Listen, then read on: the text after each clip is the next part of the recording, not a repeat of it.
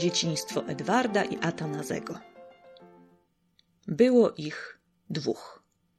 Edward był tym grzeczniejszym, który zawsze wszystko umiał, dzięki czemu zdobył przychylność ojca. Atanazy, młodszy o dwa lata, zamiast kuć łacińskie słówka wolał spać i niesłusznie miał opinię mało uzdolnionego. Jak wyglądało dzieciństwo braci Raczyńskich?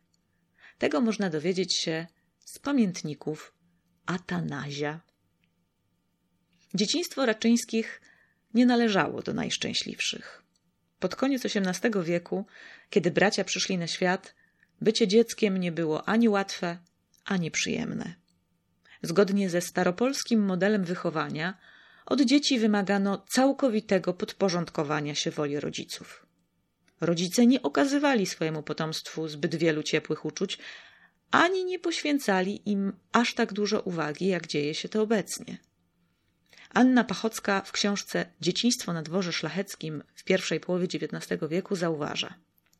Czytając ówczesne wspomnienia, można odnieść wrażenie, że ojcowie i matki należący do grona tradycjonalistów nie okazywali potomstwu czułości z obawy, aby dzieci nie stały się przez to zbyt wrażliwe i czułostkowe.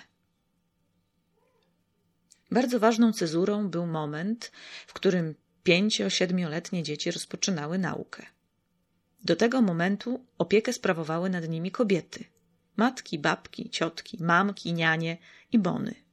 A dzieci mogły cieszyć się względną swobodą pod warunkiem, że nie przeszkadzały dorosłym. Atanazy najlepiej wspomina okres wczesnego dzieciństwa, gdy po śmierci matki czteroletni Edward i dwuletni Atanazy zostali odesłani do majątku swojej babci, Wiridianny z Bnijskich, niewiasty czcigodnej, dobrej, łagodnej, pobożnej i miłosiernej. Chłopcy mieli do dyspozycji duży park z kanałem i mostkiem, bażanciarnią i roślinnym labiryntem. Jaka była ulubiona zabawa braci? Mimo upływu lat pewne rzeczy się nie zmieniają. Rodzice kilkulatków nie będą zaskoczeni wyznaniem Atanazego. Brat i ja najszczęśliwsi byliśmy, kiedy w niedzielę przystępowaliśmy do rozbiórki zabawek. Furmanka, okręcik, wiatrak rozlatywały się w mgnieniu oka. Pretekstem była chęć zrobienia z nich czegoś innego. Ale po zepsuciu ich rozłączone lub połamane części leżały porzucone na podłodze. Dzieło naprawy było odkładane na kolejną niedzielę i kończyło się zawsze nowym zniszczeniem. Wspomnienia zabawy Atanazy kończy gorzką refleksją. Czy dorośli nie są przypadkiem dużymi dziećmi? Po śmierci ukochanej babki w 1797 roku chłopców przeniesiono do Rogalina, a bezpośrednią opiekę nad nimi przejął ojciec, Filip Raczyński. Choć kochał swoich synów, był bardzo surowym i wymagającym rodzicem. Nie szczędził sił, własnych, a także chłopców, aby zapewnić im jak najlepsze wykształcenie, czym wyróżniał się na tle innych panów wielkopolskich. W tamtym czasie w wielu domach szlacheckich w Poznańskiem zaniedbywano kształcenie dzieci, więc pod tym względem Filip był postępowcem. W życiu codziennym bywał jednak trudny. Był pedantem, który podczas gry w wista z książką w dłoni pilnował, czy aby na pewno przestrzegane są wszystkie zasady. Za jedynie słuszną uznawał modę z epoki króla Ludwika XVI, czym wzbudzał wesołość na salonach. Atanazy pisał. Kiedyś, gdy miałem lat cztery lub pięć, wpadło ojcu do głowy wyprawić mi konno wjazd triumfalny do Sulechowa. Stary, siwy ogier, który uchodził za tureckiego, został przybrany w bogaty czaprak. Usadzono mnie na nim niby małpkę i wjechał do miasteczka w asyście ojca i licznej służby w paradnej Liberii. Wirydianna Fischerowa, siostrzenica Filipa, opisuje po pięćdziesięciu latach wuja w następujący sposób. Wuj Filip był z rysów raczej przystojny. Sprawiał jednak wrażenie niefortunne, na skutek braku wszelkiej gracji w sposobie trzymania się, poruszania się, a nawet w wyrazie twarzy o rysach przecież regularnych i męskich. Z umysłem jego było podobnie. Ukończył był gruntowne studia i umiał z nich korzystać. Nie przestał nigdy potem się dokształcać. Ale męczył otoczenie swoją pedanterią, irytował upieraniem się przy drobiazgach. Do narastania tego nałogu przyczyniła się potulna uległość rodziny wobec wszelkich jego fanaberii. Przemawiał tonem tak stanowczym, że nikt po nim odezwać się nie ośmielał. W miarę lat Filip dziwaczał, jak niegdyś jego ojciec. Własne dzieci dręczył, wszystkie osoby zależne od siebie gnębił żelaznym rygorem, zawsze w przekonaniu, że wymierza im jedynie sprawiedliwość. A że uważał się za nieomylnego, przeto nie było sposobu powstrzymania go lub obrony przed nim innego, jak schlebianie jego maniactwu. Takie były jego przywary. Zarazem duszę miał szlachetną i czyste intencje. Chłopcy pobierali nauki w domu, wedle ściśle określonego planu dnia. Siódma rano pobudka, szybkie mycie w zimnej wodzie i czesanie. W przypadku Edwarda, który miał bujną grzywę włosów, pomadowanie, pudrowanie, czesanie i splecenie włosów w tak zwany harcap, czyli warkocz noszony przez mężczyzn, zajmowało prawie kwadrans. O wpół do ósmej chłopcy stawiali się u ojca na pierwszej lekcji włoskiego i architektury. Następnie śniadanie. Pire z grochu lub marchwi, wodnista zupa, której Atanazy nie cierpiał, a czasem bardziej lubiana kapusta z kiełbaskami, i kawa. Po śniadaniu półgodzinny spacer. Bez względu na pogodę. Później kolejne lekcje: języki obce, geografia, historia, muzyka, jazda konna i musztra. Na polecenie ojca brałem karabinek. On był generałem, brat i ja stanowiliśmy wojsko, często uzupełniane cieślińskim, służącym, który dołączał przy trudniejszych manewrach. I tak, manewrując, bijąc w bęben, powracaliśmy do pałacu. Wspomina Atanazy. Po obiedzie kolejne lekcje i obowiązkowe słuchanie muzyki. Jak na rasowych arystokratów przystało, chłopcy mieli być wdzięcznymi tancerzami. Kiedy Edward pobierał indywidualne lekcje jazdy konnej, Atanazy stawiał się u ciotki, gdzie wkładano jego nogi w dyby, które miały rozepchnąć je na zewnątrz.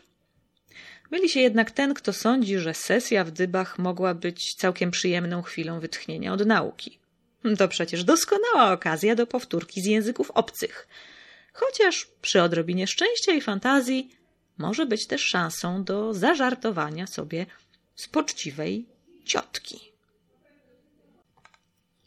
Gdy w owych dybach siedziałem, Uczyłem się słówek łacińskich, które powtarzałem z nakazu Żomerta. Potem czytałem ciotce kazania burdelu, w których opuszczałem słowa i całe linijki, nie zważając na sens. Robiłem tak dla psoty i żeby sprawdzić, czy ciotka z tego, co czytam, coś rozumie. Razu jednego, gdy zobaczyłem, że nie rozumie nic, wtrącałem dla zabawy przypadkowe słowa a nawet słowa, których nie ma w żadnym języku. I byłem zachwycony, że tak urządzam eleganckiego kaznodzieję. Kary fizyczne, powszechnie w tamtym czasie stosowane, należały również do codzienności młodych raczyńskich. Atanazy pisze o nich z wyraźną goryczą i żalem. Kary i przykre słowa, które słyszał na swój temat, sprawiły, że jako dziecko zmagał się z niskim poczuciem własnej wartości. Miałem nader słabą pamięć. Nie czyniłem więc postępów w językach i historii. Strach paraliżował mi umysł, brakowało mi pilności i pamięci i uczyłem się źle. To też jako piętnastolatek byłem mocno zapóźniony. Rozwój moich zdolności intelektualnych postępował powoli. A tak często słyszałem, że przez całe życie będę idiotą, że sam nabrałem do tego pewności. Pamiętam, że napotykając osła, zdarzało mi się czerwienić, bo zdawało mi się, że niechybnie zostanę do niego przyrównany. Ten okupiony cierpieniem proces edukacji przyniósł jednak pożądany skutek. Obaj raczyńscy zdali egzaminy, dzięki którym mogli przystąpić do studiów. Obaj byli erudytami, którzy osiągnęli sukcesy naukowe w swoich dziedzinach. Atanazy w historii malarstwa, Edward zaś w pracach wydawniczych i społecznikowskich. Najżywszym wspomnieniem z dzieciństwa Atanazego jest noc, w której rodzina musiała uciekać z Warszawy. Był kwiecień 1794 roku. Kilkuletni Edward i Atanazy spędzali zimę wraz z ojcem w domu dziadka Kazimierza Raczyńskiego. W stolicy wrzało. W konspiracji trwały przygotowania do powstania, które przejdzie do historii pod nazwą insurekcji kościuszkowskiej. W nocy z 16 na 17 kwietnia dziadek Kazimierz otrzymał wiadomość, że rodzinie grozi niebezpieczeństwo. Kazimierz Raczyński był targowiczaninem, więc w oczach powstańców zdrajcą ojczyzny. W jednej chwili spakowano bagaże i o trzeciej nad ranem poczet ruszył ku wolskim rogatkom, relacjonuje Atanazy. Odnotować warto, że gdy przyszło do wsiadania, memu bratu podano śniadanie. On jednak niezwyczajnym trafem odmówił zjedzenia piwnej polewki, co by nas opóźniło o kwadrans. Jak zobaczymy, incydent ów ukazał się donoślejszy niż można by sądzić.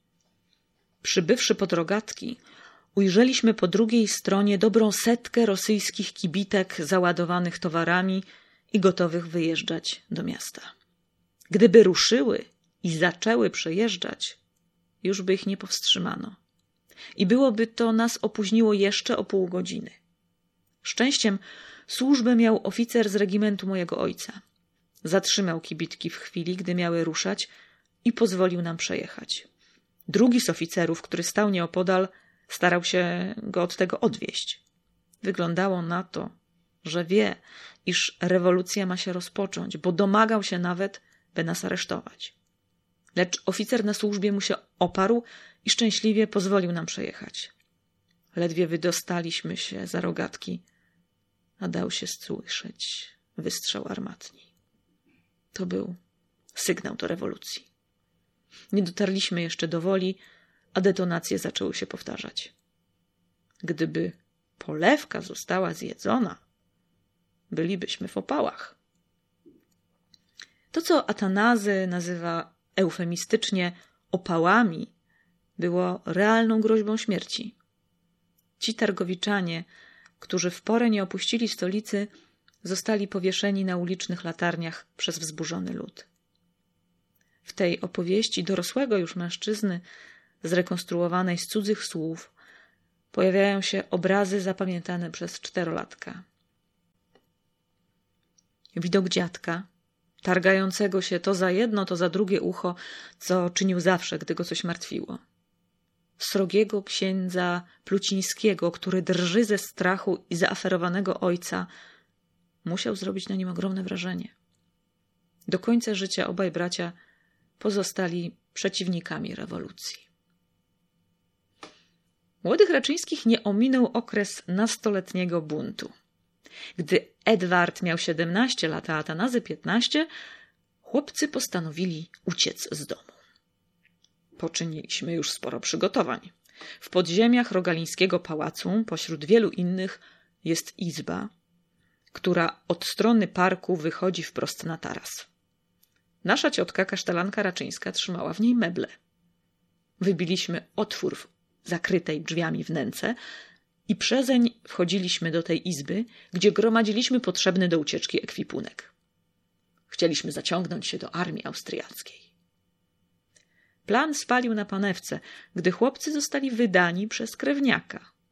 Po latach Atanazy nazywa plan wielkiej ucieczki dziecinadą, którego uciekinierzy nie brali na poważnie. Czy tak było w istocie? Trudno orzec. Po śmierci ojca obaj bracia wyjechali na studia do Frankfurtu nad Odrą. Dwa lata później ich drogi się rozeszły. Edward wrócił do Rogalina, natomiast Atanazy kontynuował studia w Dreźnie. Mimo to do końca życia pozostali w bardzo bliskiej, choć momentami niełatwej relacji.